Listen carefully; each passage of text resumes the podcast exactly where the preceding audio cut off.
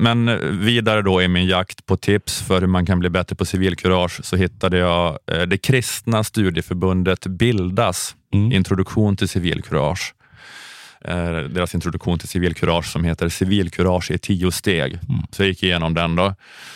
Eh, Första sidan eh, så står det liksom då civilkurage i tio steg och sen så illustreras den med bilder på liksom människor som är exempel på civilkurage. Mm. Martin Luther King, Raoul Wallenberg, Linnea Claesson, eh, Ja. Malala Gandhi, Mm, verkligen. Sara Danius, Saradanis. Ja, just det. Nelson Mandela, Astrid Lindgren är med Jaha. också. Astrid Lindgren, det tänker man så, ja det är klart att hon är med. Sen så, om man tänker på det, Ja.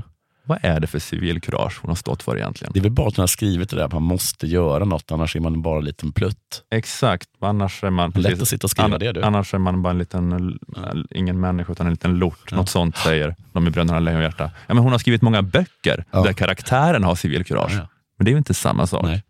Alltså vad var det hon själv gjorde? I så fall borde Steven Seagal vara med.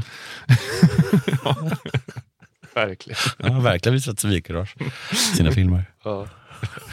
Tog, han har faktiskt tagit ännu större risker än Jonathan Lejonhjärta i många av sina filmer. Nej, alltså det enda jag kunde komma på med Astrid Lindgren är väl att hon sa ifrån om skatterna. Ja, men vad är det för... De är, men de är lite blå va, kristna? Hon skrev Pomperipossa och gav en knäpp på näsan till finansminister Gunnar Sträng. Hon sa ifrån om sosseväldet. Ja. Eh, och, och det kan man ju... Det ska han ha i och för sig. Det kan, man, ja, men det, kan, det, kan, det, kanske, det, det kan ju olika människor tycka är bra och så vidare. Men jag tror ändå aldrig att det skulle ske att i ett sånt här collage med svartvita porträttfoton av civilkuragemänniskor, att Ulf Brumberg skulle få vara med. Nej. Bara för att han har sagt ifrån om sossarna. Nej. Att man måste få vara full på sjön. Ja, precis.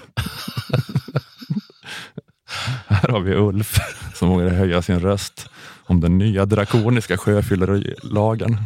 Utställningen, civilku, utställningen Civilkurage Ja, på. Fotografiska i Stockholm. Astrid Lindgren. Svartvita porträttfoton. Ulf Brumberg och Steven Seagal. Nelson Mandela, Malala, Ulf Brumberg. Jättelikt porträtt på Ja. Brumberg. Kanske att man har så här citat på väggarna. Du vet sådär Rosa Parks kolon. Ja. Jag tänker inte flytta på mig. Ulf Brumberg kolon. Klart man måste kunna ta en starköl på sjön. Ska man inte kunna knäcka en lång fin blond? I have a dream. Ja, jag ser framför mig ett sånt där, du vet, sånt där mörkt rum som det kan vara på museer, där man går in och ser Ulf Brumbergs citat överallt på väggarna. Och man hör kanske en inspelning av hans röst när han säger de här sakerna. Och du vet, orden är liksom på varandra. Att det låter som att det är så flera Ulf Brumberg som pratar i mun på varandra. Så hör man bara det här, det är för jävligt förmynderi. Ska jag ens kunna få välja måltidsdryck på sjön? Varför ska vi skötsamma båtälskare straffas? På FN-dagen så går liksom små femteklasser upp i aulan och läser högt. Fan, bor vi i Sovjet eller? Vem ska man lite- krocka med på sjön?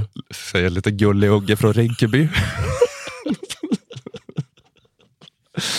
De som kommit på den här lagen är ju glädjedödare, fanatiker. Jag vill jämföra dem med terrorister. Och sen släpper någon ut en duva.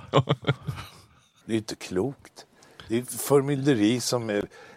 Det är, fan, det är, ju, det är ju fascism. Det är ju dunderkommunism. Sovjetunionen har kommit hem.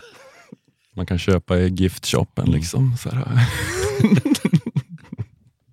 Det här är ju för fan fascism och kommunism på en men Ulf, Ulf, i kopp kanske. Det är dunderkommunism.